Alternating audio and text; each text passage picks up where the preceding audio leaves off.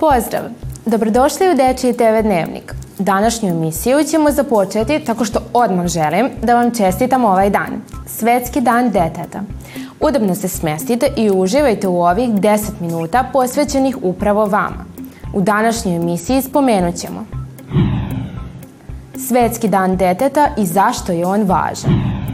Futoški kupus, nepotrebne informacije i vremensku prognozu. Svetski dan deteta, ili kako ga još nazivaju Međunarodni dan deteta, je događaj koji se obeležava baš ovog datuma na čitavoj planeti. Ustanovljen je još 1954. godine. Svetski dan deteta je osmišljen kako bi se u fokus stavile važne stvari, kao što su međusobne interakcije i razumevanje među decom, ali i kako bi nas podsjetio koliko je važno da sva deca na planeti budu dobra. Takođe, bitno je skrenuti pažnju svima na obaveze koje naše društvo ima prema deci i na aktuelne probleme sa kojima se deca suočavaju u današnjem svetu. Neke od osnovnih dečijih prava koje ćemo danas spomenuti, a koje su utvrđena konvencijom o pravima deteta su Svako dete ima pravo da zna ko su mu roditelji.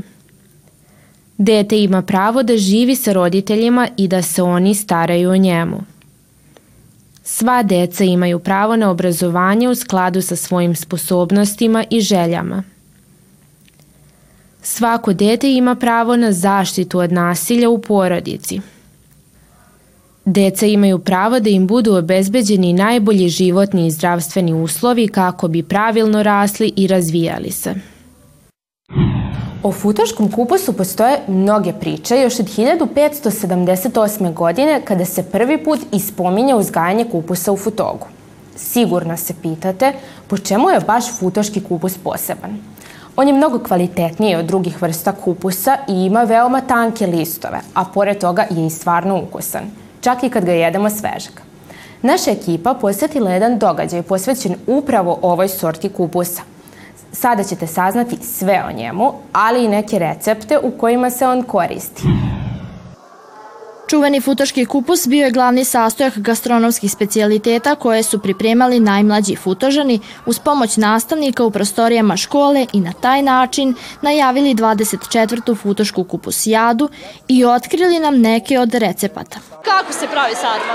Pa umutiš e, sve zajedno pirinač i mleveno meso i to umotaš u kupus i iskuvaš i gotovo je. Da li je teško napraviti sarmu? Pa nije ja pravim sa mojom bakom i naučila me lepo baš da pravim.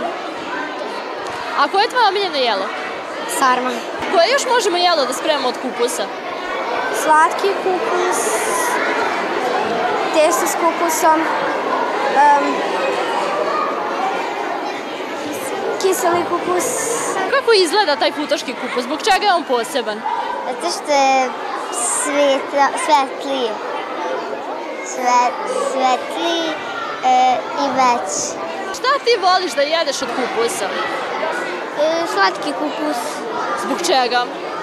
Pa zato što volim kupus. Osnovci su zajedno sa gostima, pored kulinarskih sposobnosti, pokazali i sportske veštine na poligonu u školskoj sali. Od kad mi brojimo, ovo je 19.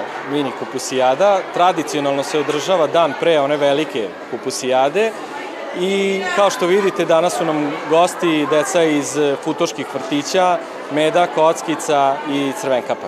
Kako E, nastavnici i, i, i da kažem e, kadrovi koji obrazuju ovu decu žele da im utisnu značaj te manifestacije, jer futoški kupus je ono što, je, što čini nadaleko poznatim mesnu zajednicu Futog i dobro je da ovakve neke dobre vrednosti utiskuju njih koji će oni sutra nastaviti.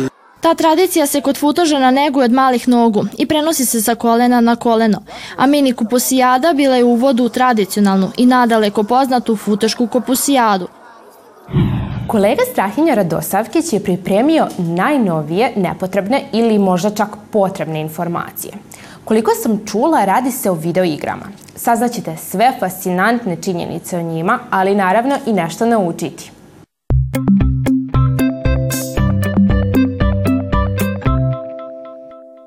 Zdravo, moram vam priznati da mi je ova nedelja bila malo teža. Nisam imao inspiraciju i teško mi je bilo da izaberem temu koju ću istraživati. Ali onda sam se setio da je vreme da pređemo jednu svakodnevnu temu. Danas pričamo o video igricama. Prva video igra je napravljena 1958. godine. Zvala se Tenis za dvoje i napravio ju je fizičar William Higginbotham. To je bila jednostavna igrica za dve osobe koja je simulirala teniski meč. Najpopularniji žanrovi među videoigrama su akcija, sport, avantura i takozvana igra uloga. Postoji mnogo različitih videoigara i svako može pronaći određeni žarn koji mu se dopada. Najprodavanija igrica ikad je Minecraft. Još od kako je nastala 2011. godine je postala veoma popularna širom sveta – Prodata je u preko 200 miliona kopija preko računara, mobilnih telefona i raznih konzola. Igrica po imenu Fortnite ima više od 200 miliona naloga.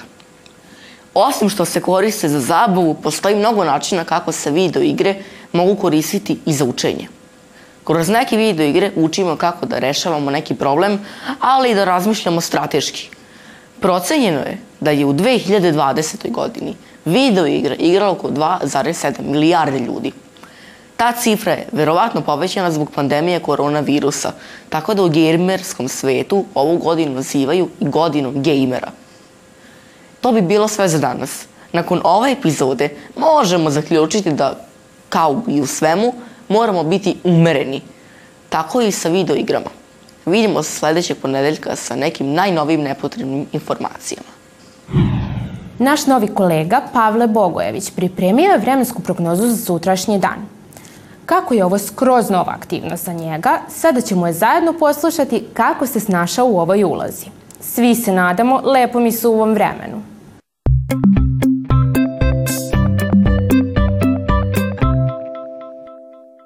Pozdrav svima! Moje ime je Pavle i danas ću vam ispričati sve o vremenskoj prognozi za sutrašnji dan. Sutra nas očekuje sunčano vrijeme, ali nemojte da vas to zavara.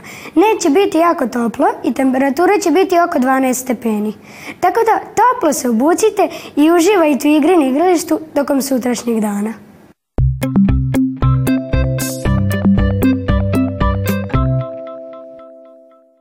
Došli smo do kraja današnje emisije. Veoma mi je drago što smo se danas družili. Želim još jednom da vam čestitam ovaj za decu velik dan, a mi se vidimo sutra sa novim temama i idejama o kojima možete da razmišljate. Doviđenja!